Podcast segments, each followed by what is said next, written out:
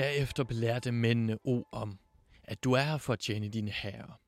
I dagens løb skal du udføre lettere husarbejde som at feje, sætte bøger på plads i biblioteket, arrangere blomsterbuketter eller varte op ved bordet. Du vil ikke blive afkrævet tungere arbejde.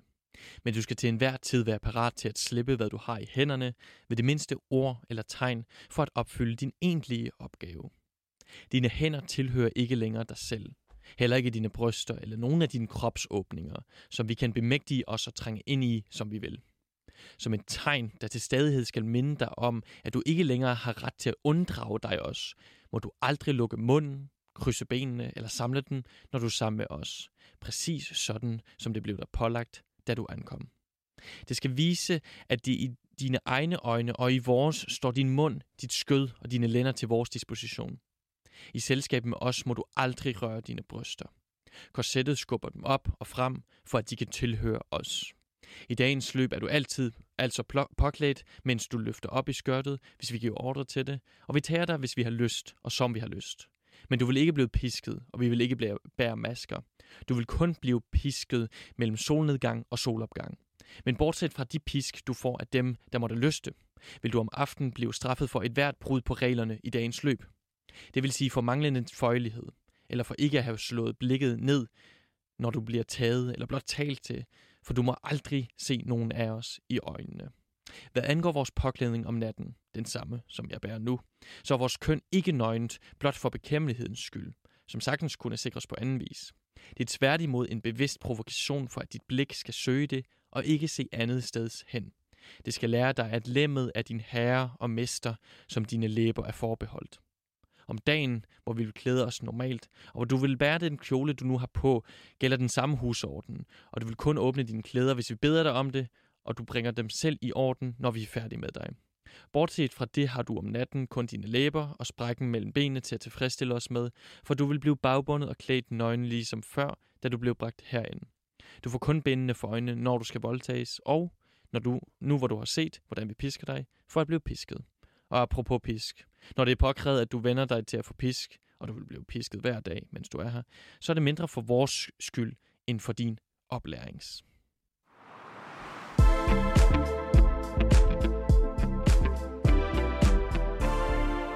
I 1954 der udkom der i Frankrig en bog ved navn Os historie, som hurtigt bliver en af de mest skandaleombruste udgivelser i nyere verdenshistorie. Forfatteren var der ingen, der rigtig kendte.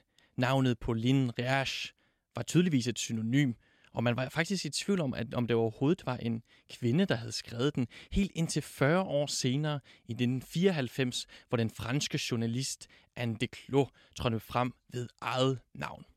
Og på grund af de her erotiske emner, som jeg er sikker på, øh, lytteren kunne fornemme i den første passage her, så forsøgte man efter udgivelsen at sagsøge både forlaget og udgiveren i Frankrig, hvilket betød, at der var nogle år, hvor det var forbudt at udgive den. Selv i Danmark blev der udsat et såkaldt øh, fodforbud, hvilket betød, at den først udkom på dansk i 1964. Selvom bogen ikke er forbudt i dag, så bliver den her erotiske kultroman ved med at chokere og skabe debat.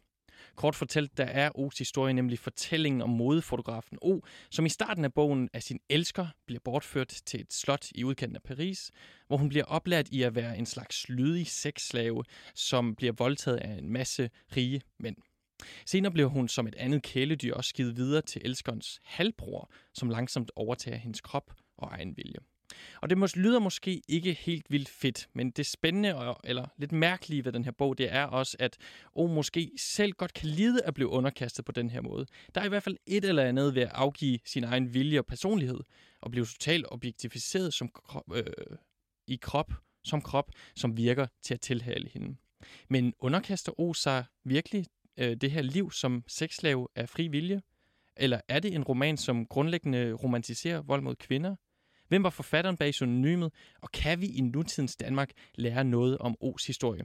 Det er, hvad vi skal snakke om i denne episode af min litterære pornosamling. Mit navn er Jakob Nielsen. Velkommen til. Og til at snakke med mig i dag om O's historie, der har jeg fået besøg af kunstnerduren Kirsten Astrup og Maria Bordoff, som har opsat O's historie som et teaterstykke, som faktisk spiller lige nu og resten af maj på Husets Teater her i København. Velkommen til, til jer, Maria og Kirsten. Tak. Tak skal du have. Og tak, fordi I havde lyst til at komme forbi. Vi startede altså ud med det her ret voldsomme, men alligevel vil jeg sige, ret almindelig passage fra bogen. Lad mig først og fremmest lige høre jer, hvad, hvad O's historie egentlig er for et værk i, i jeres øjne. Det er jo sådan nogle ting, der er blevet diskuteret igennem tiden. Øh, særligt i forhold til, om det er et pornografisk værk, eller om det er reel litteratur. Mm. Øh, hvor alvorligt skal man tage det som, som, øh, som litterært værk. Øhm, vi har til at starte med taget det meget alvorligt. Altså noget af det, der har fyldt for os i starten, det er det her med, at den er skrevet af en kvinde. Ja. Øhm, og det har for os betydet, at vi har følt os nødsaget til at forholde os til den. Det kan være nemmere at, at vende sig bort fra en bog, som man umiddelbart tænker, okay, jeg, jeg ved ikke, om det virker så interessant, det der står, står i den her bog, men, og den er også skrevet af en mand, eller jeg ved ikke det, ja. men det føles lidt som at blive forrådt af en søster, og derfor har vi søgt at forstå den, og søgt efter den feministiske læsenøgle, altså taget den alvorligt som litteratur. Øhm, Mm. Jeg kan huske, at jeg første gang stødte på O's historie. Øh, der var jeg i mine tidlige teenageår, øh, og så fandt jeg den simpelthen på min forældres boghylde på en engelsk udgave. Og mine forældre, de læser ikke specielt meget, så, så det siger for mig i hvert fald ret meget om, hvor stor en succes den her roman fik. Men jeg var omkring 14 år gammel, og det var et ret stort chok, da jeg læste den første gang. Altså på grund af de her meget øh, voldige settings også. Men hvordan øh, stødte I på den første gang, og hvad tænkte I der? Kan I huske det? Det var faktisk øh, gennem nogle filmatiseringer. Øh, ja, en af mine gode veninder gav mig sådan et DVD-box-sæt for nok 15 år siden, tror jeg. Okay. som øh, er en filmatisering fra 1975 af en instruktør, der hedder Erik Grosjean. Øh, ja, så den filmatisering fra 75 er ligesom en filmatisering af, af selve romanen, eller hvad man nu skal kalde den. Øh, og igen kan man jo også stille mange spørgsmålstegn til, hvad, hvad er en filmatisering, og hvordan, og alt muligt. Hvem er afsender på det, og hvor, hvor skal det hen, og alt sådan noget. Øhm, men så lå der også en, en DVD i, som var fra 84, altså ikke selve DVD'en, men, øh, men filmen. øhm, og den hedder så O's Historie 2. Ja. Yeah. Og det er sådan en, en, en videredækning på historien, som... Yeah som, som også er skrevet af vores forfatter? Nej, som nemlig ikke er skrevet af forfatteren, men som ligesom er, er skrevet af dem, der har lavet filmen. Og oprindeligt var det egentlig den, der sådan øh, talte til os, for det er der, hvor, hvor O ligesom sådan vender tilbage. Øhm, filmatiseringen af den første bog, der slutter den i filmen med, at, at hun sådan sætter sådan et cigaretmærke ned i hånden på, på Sir Stephen, ham halvbroren, og siger, vil du gøre det samme for mig? Og så siger han, peut-être, måske. og så slutter ligesom etteren, og så kommer toren ligesom ni år senere. Og så, så er det ligesom hende, der, der vender tilbage og har magten, men i sådan noget 80'er business setting, som er sådan fyldt med alle mulige glamourøse, lækre outfits og sådan postmoderne øh, slotscenografi. Så, så der er ligesom Syret. også noget lækkert løvehår og sådan noget. Så, så egentlig, altså det er meget sådan det æstetiske univers i den her franske B-film, jeg tror måske også, det er en koproduktion med nogle, nogle spanske mennesker. Men det er meget sådan universet i den her toer, øh, som, som har været en tilbagevendende ting i, i vores fælles praksis igennem mange år. Mm. Men det er lidt sådan en, en afstikker, Længere, ikke? Ja. Men, øh, men det var der, vi ligesom mødte den første gang, og så selvfølgelig begyndte at, at se på selve romanen, og så ja. det absurde i den status og ikke-status, den har i dag om at undersøge, øh, hvor pokker mm. kommer det her fra? Hvordan er det, hvordan er det opstået? Hvad, hvad sker der? Hvordan kan det være i nogen grad feministisk litteratur, når den har det indhold, den har? Ja. Mm, ja, det kom så egentlig, at vi snakkede med uh, Liv Helm, som er kunstnerisk leder på Husets Teater, om at lave en forestilling, og vi synes alle sammen, det kunne være spændende at arbejde med en klassiker. Det er jo den her det er det her, man gør tit på teater, ikke? Altså, man ikke gør så særlig opsætter. meget. Ja, nyfortolker eller ja. bearbejder en klassiker. Og, og det gør man jo virkelig ikke inden for billedkunsten. Hvis det var lidt, lidt eksotisk at prøve det. Som I også arbejder med. Ja, ja, altså vi har baggrund jo som billedkunstner. Som øhm, laver film. Ja, ja, primært film. Så vi, vi var enige om, at det var spændende at arbejde med en klassiker, og så var der flere ting, der ligesom pegede på, på O's historie. Mm at den jo har klassikerstatus og kultroman, som mm. du også lige har kaldt den. Ikke? Og, og, så vi havde lyst til at se på, hvordan er den her klassiker blevet til en klassiker? Hvad har ligesom skabt den? Og det var det, der ledte os i retning af, af hele publikationshistorien, som så er, er den historie, vi, vi i scene sætter på Huset Stater. Og som vi også vender tilbage til senere i det her program. Men hvad med det her med, altså nu forestiller mig, at du ser den som, I ser måske begge to som film første gang. Den er jo meget eksplicit også seksuel. Er det noget, der, der chokerer jer på en eller anden måde, i forhold til, hvad I ellers har set? Mm, altså mere romanen end filmen, synes jeg, altså, fordi de gjorde mere sådan soft porn-agtigt, ikke? Også med sådan noget pornoskuespil på en eller anden måde. Altså, mm. altså i form af altså, den måde, replikkerne bliver fremført på og sådan noget. Som er dårlig timing, eller hvad kendetegner det? Ah, det er faktisk lidt svært at beskrive, men det, det er også sådan, altså, det er også sådan sjovt, ikke? Altså, meget sjovt. Det er sådan noget ja. 80'er, altså Vaseline på linsen og en sådan blød voiceover, der taler ind over scenerne. Og, altså, ja. Det er faktisk virkelig flot.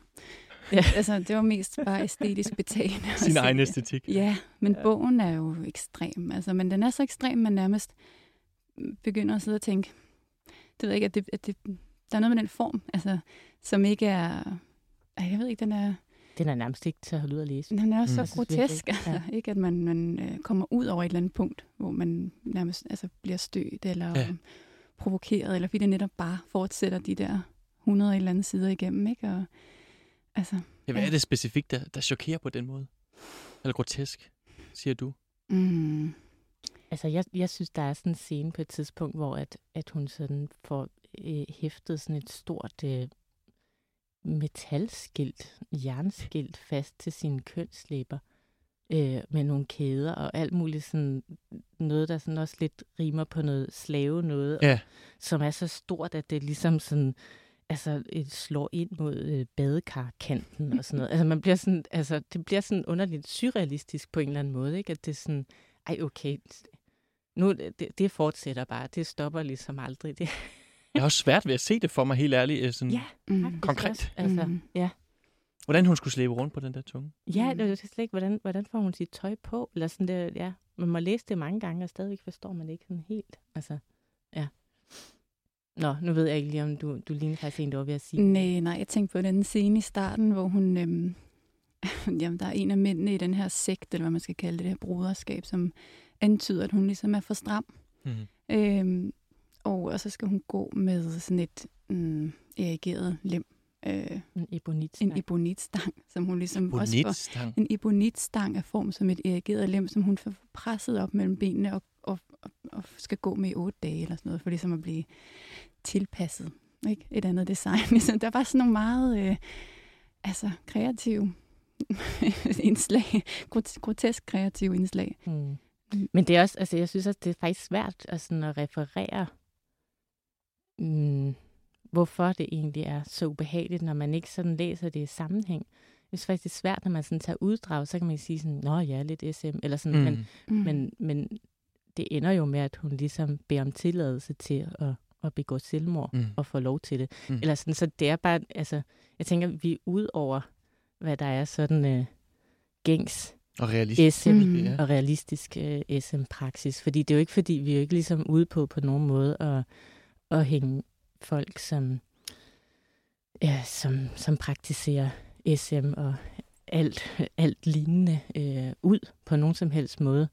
Øhm, tænker bare, at det handler om noget andet, når, når man ligefrem dør. Enig. Mm. Ja, der, er, der er mange sådan forskellige resuméer af Rumænien rundt omkring, og tit så bliver det fremhævet altså som, som sexleje, ikke? eller altså som en kvindes øh, erotiske eventyr, et eller andet øh, mm. pilgrimsfærd, øh, hvad ved jeg. Det er sådan også dannelsesrejse. dannelsesrejse nærmest, ja. Altså, hun bliver skolet i underkast. Altså ligesom sådan nogle ord, der går igen, som jeg tænker er blevet vedhæftet den her roman. På et eller andet tidspunkt, og så begynder de bare at cirkulere. Så altså, det er vigtigt også ligesom at understrege, at der er vold, og der er torturlignende forhold, og hun dør faktisk til sidst. Øh, det er jo en tragedie over et eller andet sted, så så det, det er også sådan nogle ting, vi gerne vil, vil have med i vores forestilling. Helt kort, synes jeg, at det er en, øh, en god roman? God erotik? Jeg kan lidt fornemme, men... Øh... Øh, nej. Nej det, nej, det behøver måske ikke være nogen hemmelighed. Nej. Og heller ikke specielt ophidsende på den måde? Nej, altså hverken ophidsende eller interessant som litteratur. Altså, som sagt, så har I opsat det her teater, som vi skal snakke om øh, lidt senere, men kan I så ikke, øh, altså, I har været en lille smule inde på det. Kan I ikke lige begrunde lidt mere, hvorfor, altså, I vil gerne øh, måske gentænke en, en klassiker, men hvorfor lige den her? Du nævner lidt, at det er sådan et, øh, føles lidt som et, at man er blevet forrådt af en søster, tror jeg, du sagde. Mm. Er det for at gå i dialog med det? Mm. Ja, jeg ved ikke. Altså, der, der er mange svar igen på, den her, på det her spørgsmål. Altså, det, jeg tror, det er den status, den her bog har fået inden for kvindelitteraturen, hvad det så end er. Ikke? Altså, den er jo den har jo virkelig, det var det hotteste, man kunne læse på universitetet i 80'erne. Nu er det selvfølgelig ikke længere 80'erne. Den findes stadig, og vi møder stadig altså, mange, som, som stadig har den her forståelse af den her bog, som at det er mm, et feministisk værk, fordi den grænseoverskridende handling er skrevet af en kvinde. Mm. Færdig slut. Altså, og, og mange, øh, det er måske også kategorien af klassikere efterhånden, som de fleste har hørt om, men som de færreste har læst. Og derfor så ligger den stadig ligesom som det her lidt, lidt mystiske. Den har den ligesom sådan en mystisk aura, og O's historie. Ja, det var også, der var et eller andet med den og noget kvindefrigørende, og var hun ikke også den første kvinde, der skrev moderne erotisk litteratur? Og altså, den har stadig ligesom en status, ikke? Og, øhm, og, og øh, når vi så er dykket ned i publikationshistorien, så har det virkelig sat den i et helt andet lys. Altså, og det var især, da vi læste øh, det originale forord til bogen, at vi blev klar over, okay, øh, der ligger en fortælling her, historien om historien, ja. den må ligesom frem, og det er ikke den, der kommer frem, når man googler O's historie. Så, altså, den skal man ligesom grave frem. Så vi lavede et kæmpe gravearbejde og, og, og fundet frem til den her historie, som, som er sjov, fordi den også spejler tematikkerne i bogen. Altså, så det var jo også en måde at stadig arbejde med bogen og dens tematikker på, men ved så at fortælle historien om forfatteren og hvorfor hun skrev den her bog. Det her forår er, så vidt jeg er bekendt, skrevet af hendes elsker mm. gennem mange år. Mm. Er det rigtig opfattet, altså det har jeg kunne læse i min danske forår, tror jeg, at det blev lidt en slags challenge mellem dem, om kvinder overhovedet kunne skrive erotisk litteratur. Var der noget i den historie? Mm. Det var der, ja, og det er, sådan, det er så en af de historier, der faktisk figurerer, som, øh, som er blevet fremhævet tit. Øh, måske også altså, af den, dem, der har gerne vil se det som et feministisk ja, ja, værk. Ikke? Ja. Altså, så har man sagt, den ja, første, som du siger. Ja, og så det er meget den der sådan, oh, jeg skal vise dig, at jeg godt kan skrive den her slags litteratur. Altså hendes elsker Jean Paulin, som han hed, han var jo øh, altså forfatter, litteraturkritiker, en kæmpe kanon i den franske forlandsverden. Ikke? Han, øh, så stor, som han fik en, en allé lige ved siden af Eiffeltårnet. Hold da op. Ja. Opkaldt efter 100 års fødselsdag. Allé Champollion, lige ved siden af Eiffeltårnet. han, han var øh, redaktør på forlaget Gallimard og direktør for Nouvelle Revue Française, som mm. var, ja, du ved, vigtige tidsskrifter for litteraturen. Og han var, ligesom rigtig mange af sine øh, ligesindede i Paris, der i midten af 50'erne, kæmpe beundrer af Marquis de Sade. Og, øhm, og ja, og han har så øh, sagt til hende på et tidspunkt, det bliver refereret i flere interviews også med hende, at, at han var helt overbevist om, at kvinder ikke kunne skrive den slags erotisk litteratur. Så der har helt klart været en udfordring, som hun har taget op, øhm, men det har hun jo af en grund. Øhm, de var elskere, som du siger, det var sådan en, en øh, offentlig hemmelighed, eller hvad siger man? det, det vidste de fleste. Men øhm, og de havde mødt hinanden under krigen, så de havde på det her tidspunkt jo været sammen i en del år. Men det var på et tidspunkt i deres forhold, hvor det var begyndt at stille lidt af mellem okay. dem. Og hun har følt, at, at hun har øh, været nødt til at skulle finde nogle andre våben for at holde mm. på ham, og det bliver så litteraturen, den slags litteratur, som hun vidste, han godt kunne lide. Så deres forhold bliver lidt viklet ind i det på, på samme måde. Mm. Hvad hedder det? Lad os lige øh, gå lidt tilbage og snakke om det her. Altså, skrevet af Anne de Clos. Er det rigtigt udtalt i det først, først og fremmest? Mm. Anne. Anne de, Anne de Clos. Men igen, efter først at have gået under synonymet Pauline Reache i 40 år, øh, ved, hvad ved vi om hende her, Anne? Vi ved, at hun er født i 1907 i en øh, forholdsvis religiøs familie faktisk. Øh, hendes far var halvt fransk, halvt britisk og rektor for et, et amerikansk universitet, tror jeg, i, øh, i Paris. Øh, og havde en meget stor litteratursamling, som, øh, som hun også fik lov til at, at ligesom læse alle slags bøger, og også en meget stor samling af erotiske bøger. Øh, og det bliver flere steder ligesom insinueret os, der, at der også er en eller anden form for relation mellem, mellem far og datter her.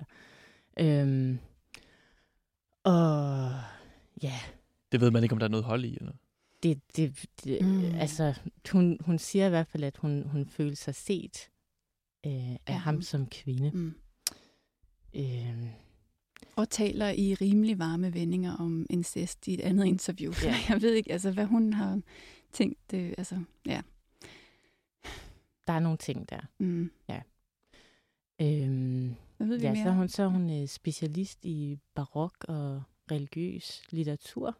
Mm. Øhm, og har også nogle, øh, altså nogle, nogle forhold bag sig, før hun, da hun møder Jean Paulon, øh, til to meget, meget højere ekstreme øh, mænd.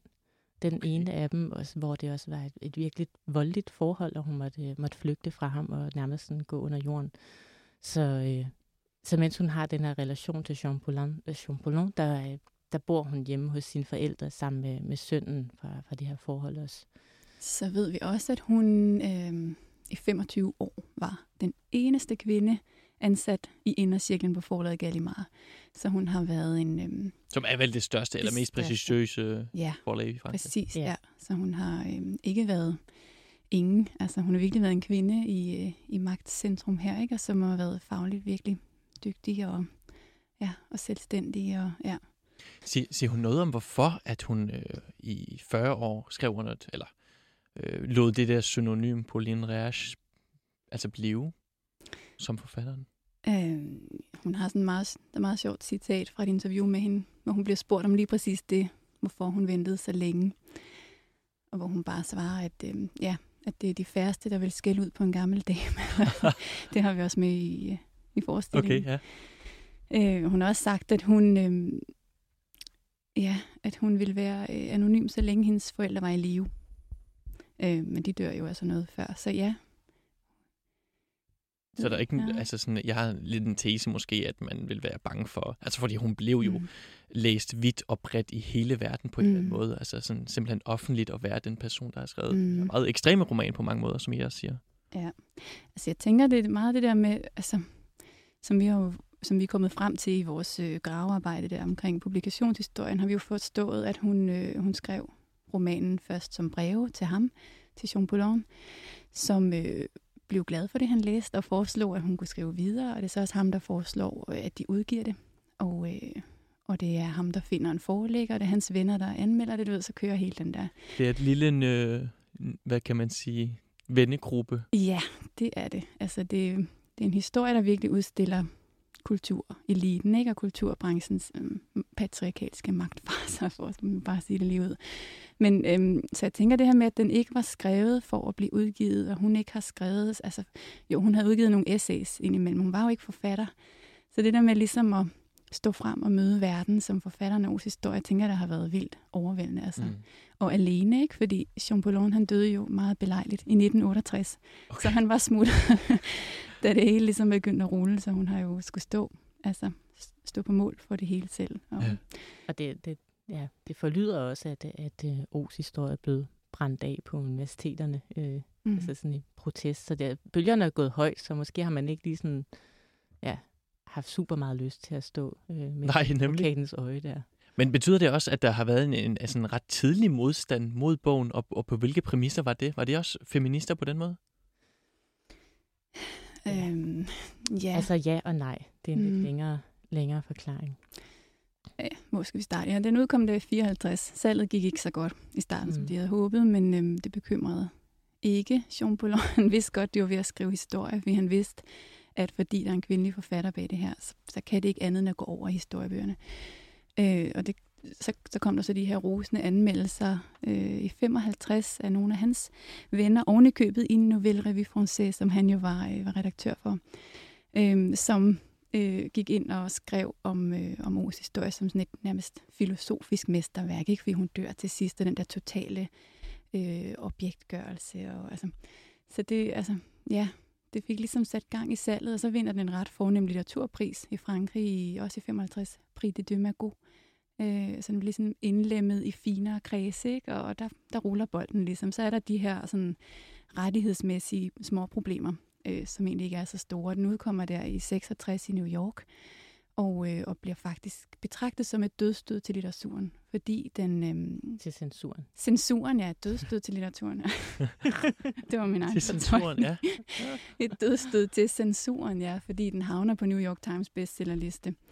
Og øh, ja, går under radaren, fordi det, den bliver betragtet som litteratur, og den er skrevet af en kvinde, og derfor er det jo ikke pornografi. Men, ja, det svarede ikke rigtigt. Jo, så starter hele kritikken jo, ikke? Altså, så kører det virkelig derop igennem 70'erne og, og 80'erne, og ender også med at blive altså, et af de emner, der virkelig er med til at splitte hele kvindebevægelsen i 80'erne. Vi har de her sex wars ikke, i 80'erne, som netop diskuterer de her spørgsmål omkring censur og pornografi og, og SM og alle de her spørgsmål, som Osis historie rammer lige ned i.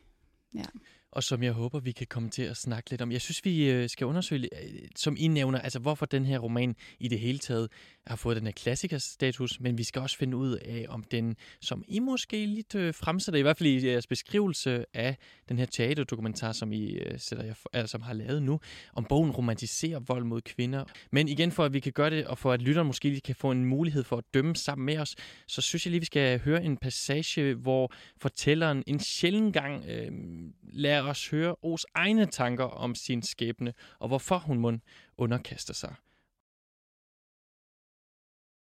Det var ham, der talte.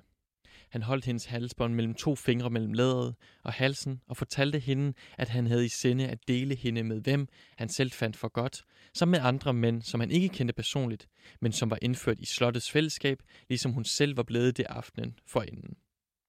Og videre, at hun kun tilhørte ham, selv når hun modtog ordre fra andre end ham, hvad enten han selv var til stede eller ej. For han var rent principielt en del af alt, hvad man kunne finde på at kræve af hende eller udsætte hende for, og at det var ham, der ejede hende og nød godt af hende gennem dem, i hvis hænder hun blev overgivet, simpelthen fordi det var ham, der overgav hende til dem. Hun skulle undergive sig dem og opfylde deres ønsker med samme respekt, som hun adlød ham, som var de lige så mange udspaltninger af ham. Han ville således besidde hende, ligesom en gud besidder sine skabninger, som han bemægtiger sig, maskeret som monster eller fugl, som usynlig ånd eller ekstasens form. Det var ikke adskillelse, han søgte. Tværtimod knyttede han hende kun stærkere til sig ved at udlevere hende. Det faktum, at han gav hende bort, var netop beviset på, at hun tilhørte ham, og sådan skulle hun også betragte det. Man kan jo netop kun give det bort, som tilhører en. Han gav hende bort for straks efter at tage hende tilbage, og i denne bevægelse blev hun kun mere værd for ham, som noget almindeligt og dagligdags, som havde tjent et guddommeligt formål og derved var blevet helliget. Han havde længe ønsket at prostituere hende, og han følte med fryd, at den glæde, det gav ham, var større, end han havde tur håbet på, og knyttede ham nærmere til hende og hende til ham, så meget desto mere, jo mere hun blev udmødt og pint. Og eftersom hun elskede ham, kunne hun også kun elske det, der kom fra ham. O lyttede og skælvede af lykke, for hun elskede ham. Hun skælvede og samtykkede i sit stille sind. Det gættede han formentligt, fordi han fortsatte. Det er fordi, at det er let for dig at samtykke, at jeg forlanger noget, som det vil være dig umuligt at samtykke i. Selvom du på forhånd accepterer det, selvom du siger ja nu og tror, at du vil være i stand til at underkaste dig. Du vil ikke kunne undgå at gøre oprør. Man vil aftvinge dig din underkastelse mod din vilje, ikke kun på grund af den us usigelige nydelse, det vil give mig eller andre, men for at du skal blive bevidst om, hvad man gør dig til. O skulle lige til at svare, at hun var hans slave og bare sine lænker med glæde. Men han kom hende i forkøbet. I går fik du at vide, at du, så længe du opholder dig her på slottet, hverken må se en mand i øjnene eller tale med ham. Det gælder også mig. Du skal tige og adlyde. Jeg elsker dig. Rejs dig. Fra nu af åbner du kun munden her på slottet for at skrige eller kærtegne. Ja, altså et lidt øh, kringlet sætningsopbygninger på en eller anden måde, og jeg lovede jo også, at vi lidt skulle høre Os egne tanker om sin skæbne, om hvorfor hun underkaster sig. Men igen bliver det måske meget symptomatisk for den her roman, gennem hans tanker, at vi får de her ting fortalt. Vi hører dog... Ja, lad, lad mig lige starte med at høre jeres umiddelbare tanker om sådan en passage. Er den typisk for romanen? Mm. Mm. Ja, altså hun... Øh hun begynder jo ret hurtigt, synes jeg, at, at rationalisere omkring det, der sker. Ikke? Altså, nu sagde du i starten, at hun, øh, hun bliver bortført til et slot øh, i udkanten af Paris. Øh, og så, så bliver hun udsat for de her ting, men jeg synes allerede i løbet af ja, de første, den første del af bogen, der, der begynder hun ligesom at, at sætte ord på, hvad der er, der er ved at ske med hende, hvad det er, hun er ved at blive til. Øh, og jeg synes bare, den bliver mere og mere sådan rationaliserende, øh, sådan, ja, som den skrider frem. Og hun, hun har brug for at, sætte ord på, hvad, hvad det er for en proces, mm. hun, øh, hun gennemgår for at kunne blive i det, tænker jeg. Eller, altså hun vender ligesom det, som man selv vil betragte som nedværdigende og ydmygende til noget, der er ophøjende og, og, og ja, og, og giver hende værdighed. Ikke? Ja. Altså,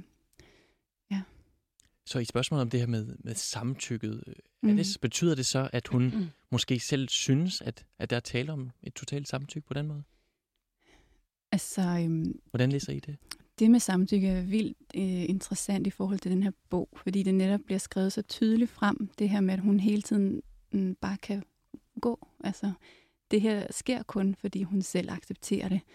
Og, øh, og det siger hun jo så også meget tydeligt, at hun gør af kærlighed til sin elsker. Det er også derfor, man virkelig godt kan tale om det som en, en kærlighedshistorie, og måske også en, en tragedie, altså en, en, øh, for, en fortælling om et tragisk kærlighedsforhold. Altså, hun og man kan jo også sige, ja. altså hvis hun går, og spørgsmålet er jo så ikke, om hun så mister sin elskede. Mm, det altså, det. Hvis, hun, hvis hun siger nej, hvis ikke hun samtykker. Mm.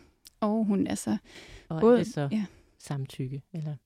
så den er lidt underliggende trussel mm. som at miste. Ja. Ja, og det er nogle af de ting, vi synes er interessant omkring samtykke. Det er jo virkelig en ting, der bliver talt meget om i dag også. Ikke? Altså det, og det er noget af det, der også er blevet øh, altså, sagt af kritik omkring O's historie i 70'erne. Der. Det gik meget på det her med falsk bevidsthed. Altså, hvem, øh, hvad er det for en bevidsthed, der samtykker? Ikke? Hvis man er fuldstændig forgabt forelsket, er man så overhovedet i stand til at, at samtykke? Ikke? Eller altså, som hun jo selv siger, hun elskede ham, og derfor havde hun ikke noget andet valg end at elske den behandling, han udsætter hende for. Hun siger, hun havde ikke andet valg. Er det så et samtykke? Ikke? Altså, den, er, den lander sådan et meget knudret sted, som jeg egentlig synes er meget interessant i forhold til det. Hele den her problemstilling om, hvornår samtykker man, øh, er det muligt. Og det er jo også, altså, det er også noget af det, vi synes, at vi gerne vil understrege, at vores forestilling er ikke en kritik af SM, og det er ikke, altså, jeg synes, det kan være virkelig problematisk, det her med at anklage voksne mennesker for, øh, at foretage sig ting, som øh, ikke er sunde for dem, eller ikke er gode mm-hmm. for dem, eller ikke er rigtige for dem, for det, det må de jo virkelig bedst selv vide. Ikke? Og samtidig kan man jo da godt tage sig selv i at tænke, at oh, øh, er fuldstændig kabret, altså af kærlighed, eller hvad det er, eller det, altså, at hun måske ikke er ved sine fulde fem, når hun øh, accepterer de her ting. Men, men ja, det er en, en sindssygt interessant øh, problemstilling. Mm. Ja. Og hvordan er det noget, I specifikt mediterer over i jeres øh, teateropsætning på den måde? Øhm, ja, vi har en seance, hvor... Øhm, jamen, det er fordi, vi har den her fortæller kar- karakter, fordi det jo er en teaterdokumentar, det ved jeg ikke, om vi har fået sagt. Vi kalder det for en teaterdokumentar, krydset med et periodedrama, så er vi dækket helt ind. så er der ikke nogen, der kan klandre os for noget.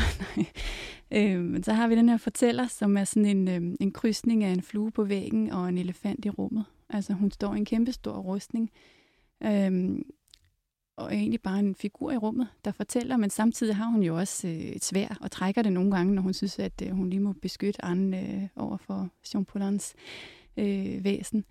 Øhm, der er et tidspunkt i forestillingen, hvor hvor Jean Paulin og, og den her fortæller, de faktisk øh, ryger lidt i totterne på hinanden ja. omkring lige det her spørgsmål omkring samtykke fordi fortælleren står som det her stille vidne hele tiden, den rustning i rummet, øh, statue eller hvad hun er, står og overværer de her øh, seancer, hvor Anne skriver til Jean Paulin, og han så beder hende om at skrive videre, og han foreslår at udgive det. Alle de der ting, hun ser det hele.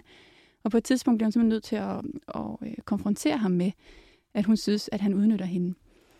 Og, øh, og det synes han jo ikke, for hun har givet sit samtykke til at udgive den her bog. Øhm, og i øvrigt er det ja, en latterliggørelse af hans person og, kalde, og, og anklage hende for falsk bevidsthed. Og han siger, at hun er alt for klog til ikke at vide, hvad hun gør. Og det er han jo. Hun, vi har lige hørt, at hun, hun arbejder på forlaget Gallimard, og hun er altså uddannet fra Sorbonne, ikke? Hun er virkelig, sure. altså, så, men ja, så vi har en seance, hvor det ligesom bliver sat på spidsen, det der spørgsmål omkring samtykke, hvor vi overfører øh, altså, bogen, øh, handlingen yeah. i bogen til udgivelseshistorien, fordi det faktisk er, altså, der er nogle paralleller der, som er... Imellem deres dynamik også, mm. altså elskeren og ja, ja. O på en eller anden måde. Ja. Øhm, altså, der står jo, hun skælver af lykke, fordi hun elsker ham. Mm. Men underkaster hun sig kun, fordi hun elsker ham, eller kan hun også godt lide dem her med at underkaste sig seksuelt i bogen. Giver det mening for jer? Det tænker Ja, jeg da. Det Ja. tænker jeg også. Mm. Mm. Og det er jo for så vidt heller ikke noget forgjort i. Altså Mm. der, hvor det ligesom går hen og bliver, bliver, bliver der, hvor det går hen og bliver problematisk, er, er sådan noget som hans forord.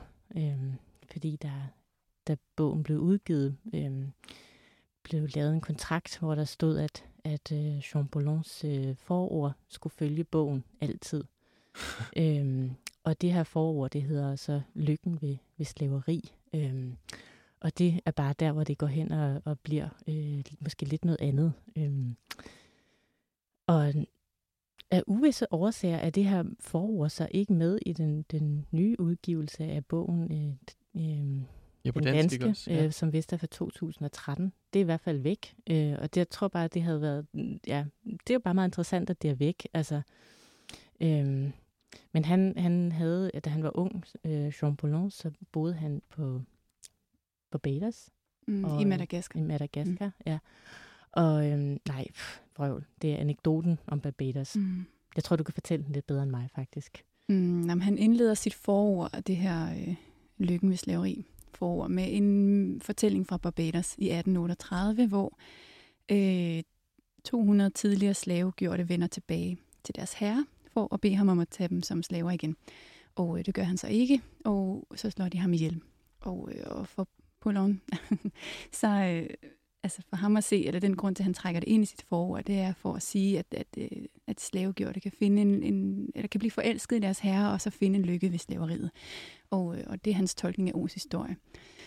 Øh, og det er et, et, altså et sindssygt forord, og det udstiller virkelig en, en stærk sexistisk og racistisk mm. mandsperson, som ikke øh, er bange for at give sine holdninger til kende, og som også altså i vores øjne øh, siger noget om, at det for ham ikke kun handler om litteratur og poesi, men også om politik. Altså det, Okay. Ja, og det er det, vi gerne ligesom vil. Det der, det flytter sig til et andet plan, øh, hvor det for hende har været det her øh, intime rum, hun har, har skrevet til ham, ikke? og tænkt, det kun er ham, der skulle læse det, og så øh, foreslår han så, at de udgiver det. For mig at se, er der også nogle øh, paralleller der til det, du lige læste op med, at han... Øh, at hendes elsker prostituerer hende. Ikke? Altså han tager jo faktisk noget, hun har givet ham, øh, som er dybt intimt imellem dem, og deler det med resten af verden. Så der er bare sådan nogle, nogle overlap, som er ret interessante. Mm. Øh, men han siger også faktisk lige ud i det her forord, at han øh, betragter det som bekendelseslitteratur på vegne af kvindekønnet. Og det er jo der, det går hen og bliver noget andet. Så er det pludselig, hvad, skal, hvad er det så, et slavemanifest, eller hvad er Ja. det ude i? Altså hvor, hvor det for hende har været noget helt andet. Ja, helt sikkert. Du vil ikke kunne undgå at gøre oprør. Man vil aftvinge dig din underkastelse mod din vilje, altså som manifest, hvis man nu skulle tænke det på den måde, som politisk på den måde. Det, det kan jeg da godt se, det clasher meget med kvi- kvindebekendelseslitteratur som sådan. Ja. Mm. Og også med kvindefrigørelse. Og, ja, det er der, det ligesom bliver, bliver på en måde helt crazy. Ikke? Man tænker, hvad, hvad er der foregået her? Ja, Øh, og i den første udgivelse, udgive, øh, udgivelse af bogen, der stod der ligesom også O's historie af Pauline Riage med et forord af Jean Paulon.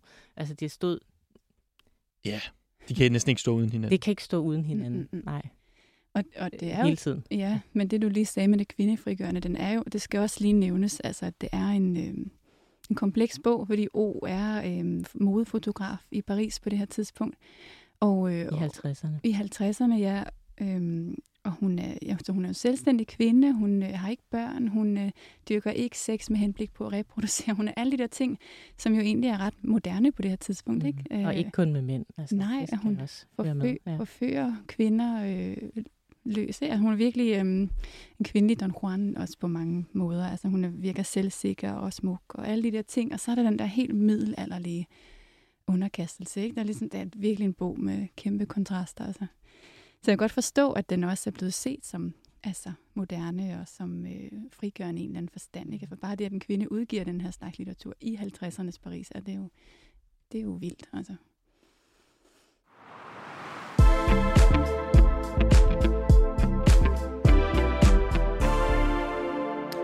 I den her beskrivelse af jeres øh, teaterdokumentar, det, øh, og hvad, hvad den ligesom handler om, den nævner I også, eller stiller det her spørgsmål, hvad fik en af de mest magtfulde kvinder i den franske forlagsbranche på det tidspunkt til at skrive en bog, som i den grad romantiserer vold mod øh, kvinder? Kan I ikke lige sætte nogle ord på, hvad, hvad I mener med det? Altså det, det er jo kærligheden til ham. Altså at hun, hun skriver for at holde på ham. Hun, hun synes ikke selv, at hun var hverken særlig ung eller, eller smuk. Hun var 47, ikke? Og han var nej, 45, han var, han var 67. Øhm, mm. Så hun måtte finde andre våben, og det var så hendes litteratur, hendes, øh, hendes pen, øh, de ting, hun kan med skriften. Mm. Mm. Mm. Ja, og det med at romantisere vold mod kvinder, altså, ja, jeg tror, det er lidt tilbage til det der med de her små resuméer, man kan finde af bogen rundt omkring, okay. hvor, hvor den fremgår som, som, ja, som en øh, halvuskyldig øh, erotisk bog med, med pikante et eller andet undertoner. Jeg ved ikke, altså det er sådan et behov for faktisk at sige, at der er nogle virkelig voldsomme scener. Altså det er vold, og det er ydmygelse, og det er tortur, og det er slavelignende forhold, altså og hun dør til sidst.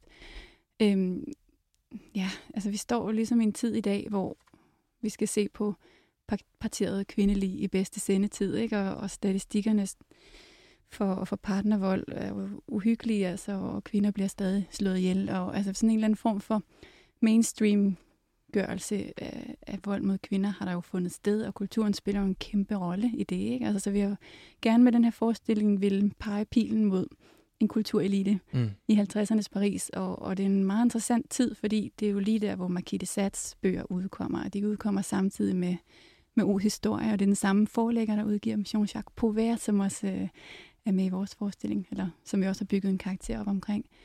Så der er virkelig Altså som sådan, Kit de Sat? Nej, altså som forlæggeren. Ja, okay, forlæggeren, ja, giv mig. Ja. ja, altså der er virkelig, det er virkelig sådan en, en tid, hvor altså som på en måde er lidt skæbnesvanger, tror jeg, for, for fransk litteraturhistorie og selvforståelse. Og, altså det er det her med, at, at, øh, at der er den her l'affaire Sat, som, øh, som kører der, hvor man diskuterer, om, om man må udgive Sats værker. Og ender så med, at, at det må man godt, men øh, kun ja, for folk over 18 eller et eller andet. Mm. Får sådan en eller anden begrænsning på. Men der sker et eller andet der, som er ret, ret essentielt. Altså for, mm. for mainstreamgørelse af rimelig øh, ja, udsvævende og nedværdigende litteratur. Ikke? Altså som, men i, i kunstens navn, i, mm. Øh, i litteraturens navn. Mm. Og, og man kan jo sige, at det, det er jo komplekst. Altså det er jo, det er jo ikke særlig fedt med censur. Altså, Mm-mm men, men nu står man så bare i en anden situation i 2022, hvor at at nogle ting er blevet så mainstream, altså med internettet og film og tv. Man havde nok ikke set for sig i 1954. Internettet er smækfyldt med, med pornografi og med ja, børn, der blev udsat for alt muligt, ikke? Eller sådan, og det, ja. Mm. Ja, så var det jo bare en anden tid, ikke? Det var lige efter krigen, så der var jo et eller andet behov for, øh, eller i hvert fald øh, tilsluttet mange sig en sådan kamp mod autoritet. Mm, på alle fronter. Ja, ja. Og, søgt, det giver jo så god mening. Altså. Ja, ja, og søgt også kunsten, tror jeg, for at, at, at finde et sted at forstå og i tale sætte og bearbejde og billedgøre det onde og den smerte, man lige har været igennem. Ikke? Og, mm. Så jeg tror, at det giver meget god mening, at det lige her sats værker bliver udgivet, ja, tænker ja. jeg. Ja. Synes I, det er totalt åndssvagt, hvis man vidderligt læst kun den her roman, uden at forstå historien bag, og virkelig det måske altså sagde det, at det kunne være fordi, altså alle de her SM-dynamikker igen, at det var fordi, at hun anden måske virkelig tændte på det. Jeg ved godt, I nævner det her med, med selvmord, som, som skyder det ud af parken på en eller anden måde, at det bliver meget mere ja, alvorligt. Nej, det tænker jeg sagtens, man kan. Altså, mm. øhm, øh, ja, ja, det kan man da sagtens. Ja, fordi undskyld, der er vel det her argument i SM-verdenen mm. med, at hvad hedder det, når man netop laver sådan nogle øh, dynamikspil på den måde, så skal man være ekstra god til at samtykke, have styr på mm. det og så videre. Mm. Men det er ikke noget, altså det, det mener I ikke er relevant i den her roman?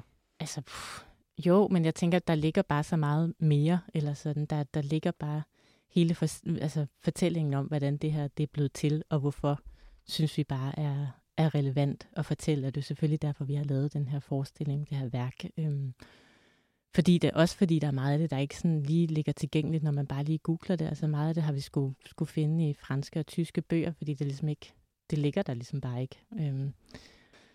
Så jeres teaterdokumentar kan måske også se som en slags oplysning. Mm. Ja. Mm. Hvad hedder det? Overrasker det jer i det hele taget, at bogen er skrevet af en kvinde? Altså nu vidste vi det jo, så det er lidt svært at vide, om man sådan ville blive overrasket. Men... Altså, ja, altså det er jo synes jeg, det er meget stærkt kvindefornedrende litteratur, så det i sig selv er jo øh, skørt på en eller anden måde, at en kvinde skriver litteratur, som, som er ja, er så nedværdigende over for, for kvindekønnet. Altså, Mm. som, altså, ja, så det, så det, det er da sådan, det er da overraskende, men altså, ja, vi vidste det jo godt, så vi, ja, Altså, jeg har for eksempel lige lavet en udsendelse for en måned siden om Marquis de Sade Justine, mm, og for mig der vi- virker det nogle gange til, når jeg læser den her bog, at det kunne være Marquis de Sade skrevet 200 år efter. Altså, der må Mm. jo være, hun må jo være klart være influenceret ret meget af ham. Mm. Og der er vel også noget af det der med, at man kopierer. Altså, hvis det netop var højeste mode i de øh, intellektuelle kredse, mm. som I Mhm. nævner, mm, at man så skriver det frem på den måde. Ja, vi har faktisk også et resume øh, med øh, af Margitte Sats øh, Justine med i forestillingen. Så ja, ja, for det er jo lige præcis den bog, øh, hun læner sig op af, øh, og Ja, hvordan det? at det ikke er Juliette, for eksempel. Altså, det er sådan en, øh, en kvinde, som bliver udsat for... Altså, bliver, Justine bliver taget som sexslave, ikke en munke over den, og bliver udsat for alle mulige ulykker og torturlignende forhold, indtil hun en dag bliver ramt af et lyn og dør. Ja. Så det er sådan lidt den samme skæbnefortælling, men... Øh, og han siger også, øh, Jean Boulogne, der i sit forord til bogen, der er sådan et citat, øh, han siger, få af de mænd, der ikke har drømt om at besidde en Justine, men skriver han så, jeg har indtil nu, eller før nu, jeg har ikke, øh, jeg har før nu hørt om en kvinde, der siger højlydt, at hun faktisk drømmer om at være en Justine. Så Justine har jo helt klart været et referencepunkt Mm. mm. den her bog, og, og noget, som han synes om, og øh, ja, som hun har skrevet ind i. Mm. Og det er også nogle ting, som vi indarbejder som replikker i, i selve Ja, forestillingen. jeg står faktisk bare og, og fyrer alle vores replikker. Ja, det gør i du forhold. nu er det er Maria, der har skrevet manuskripten. Ja. Øhm, Øh, I jeres beskrivelse af opstillingen, så skriver I også, at O's historie blev brandet som en form for erotisk bekendelseslitteratur skrevet af en kvinde. Det har vi også snakket om. Men så spørger I, om det overhovedet er tale om kvindelitteratur, når både er udgivet, promoveret og bearbejdet kunstnerisk i patriarkatets interesser. Det her sidste aspekt, hvordan bogen, altså O's historie, er blevet bear- bearbejdet kunstnerisk, kunstnerisk mm. I patriarkatets interesser. Hvad betyder det på den måde? Altså det øh, henviser til øh, alle de filmatiseringer, der har været. Nu nævnte Kirsten før Erik Rochards øh, film. Der er også lavet flere andre. Øh, Lars von Trier har også øh, lavet en, altså før han faktisk blev filmskaber, lavede han en, en helt tidlig øh, filmatisering af O's historie. Øhm, og øh, hvad hedder han, Kenneth Anker har været der Ja. indover, og der har lavet nogle øh, tegneserier også af Ja. mandlige tegneserieskabere. Så, så det er ligesom en bog, der sådan, i hvert fald de kunstneriske bearbejdelser, vi har kunne finde frem til, har alle sammen været lavet af mænd. Øh, kvinder har på en eller anden måde ikke vil røre den med en ildtang. Så, øh, ja, den har også kun været sat op en gang, tror jeg, som teaterstykke før i Danmark på Betty Nansen i slut 90'erne, så kort efter hun øh, kom ud. Ja. Øh, som, Fik men en var lille- det ikke kvinde, der instruerede den? jo, det er rigtigt, det var en mand, der havde lavet øh, manuskript. Og Ja. det var et samarbejde, men i hvert Ja. fald, altså, Men ligger, jeg tror også, alt sex var taget ud af den. ja, det var den også. Okay. Ja, vi lægger os bare i forlængelse af en, en tradition, som primært har været mandlige kunstnere, der Ja, ja. har været, været ja. inde og arbejde med bogen. Mm. Men det er jo så også altså, i scenesættelse af, af bogen. Det her det er jo ikke en meget vigtigt at understrege. En, det er jo ikke, vi opfører ikke O's historie, O's historie på den måde. men fortællingen om dens tilblivelse. Ja. Ja.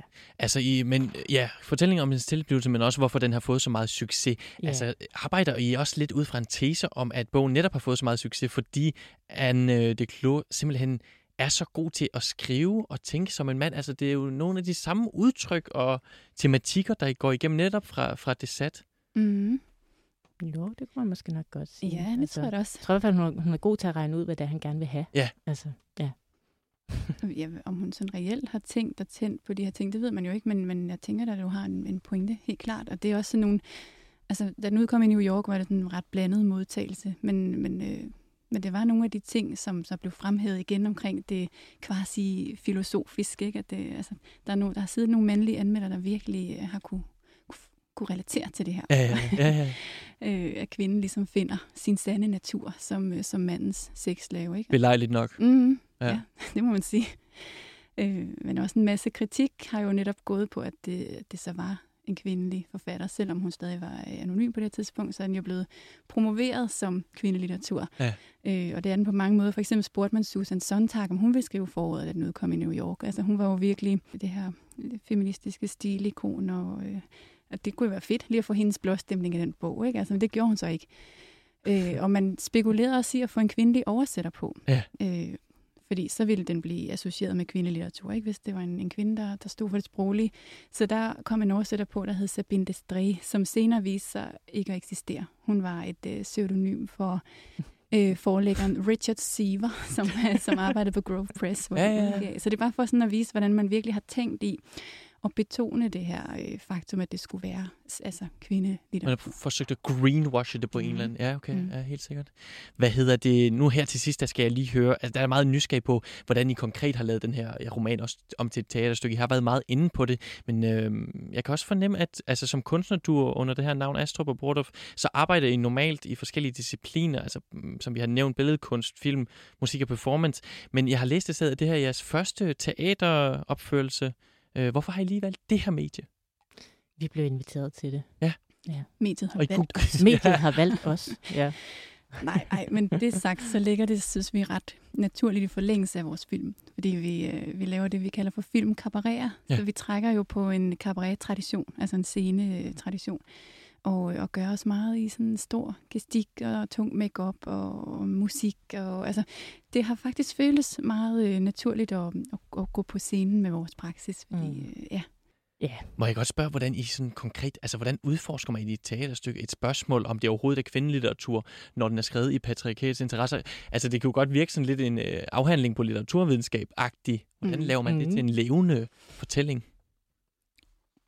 Ja, jeg ved ikke. Det- nu, nu har du jo ikke, nu har du til stadig til gode at se forestillingen. Øh, men øh, jeg ved ikke, vi arbejder meget med humor, og det sniger sig ind øh, overalt. Lige meget hvad vi gør, så kommer det ligesom bare ind. Og, øh, og jeg ved ikke, nu har jeg jo skrevet manus, så jeg har siddet og følt nogle gange, at det er sådan nærmest var projiceret tilbage til, til universitetet. Men, men så er der jo bare noget med, med, med, med udtrykket, ikke? Altså, Ja. så, så er det bare så dejligt, at det ikke er en, en afhandling, at det er en Mm. forestilling, at man ved, at det er musik, og man ved, det er de her tabloer, øh, at det er bare skru for dramatikken, og bare, altså, det er virkelig, sådan, der er sådan en virkelig dejlig frigørelse i det, og det er også derfor, vi kalder det for en teaterdokumentar, krydset med et periodedrama, fordi det er virkelig vigtigt for os, at, at der er den der, at det ikke er så forpligtet på at skulle, skulle siges på, på en særlig måde. Altså, vi er jo forpligtet på fakta, Mm. det er, jo, det er jo en ægte historie, vi beretter, men, men sådan kunstnerisk, udtryksmæssigt har vi virkelig tilladt os frihed, og det, ja.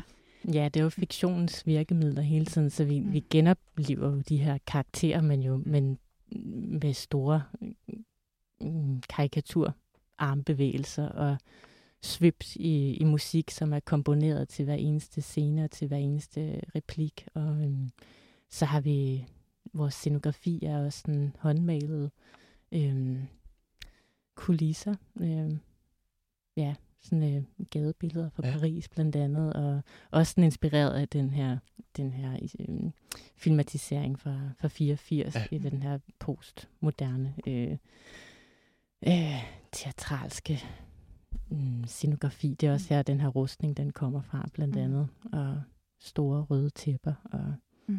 ja, Tusind tak til øh, Kirsten Astrup og Maria Bordorf, fordi I var med her i den her udsendelse. Det var meget fornemt at have på besøg. Det var dejligt at være med.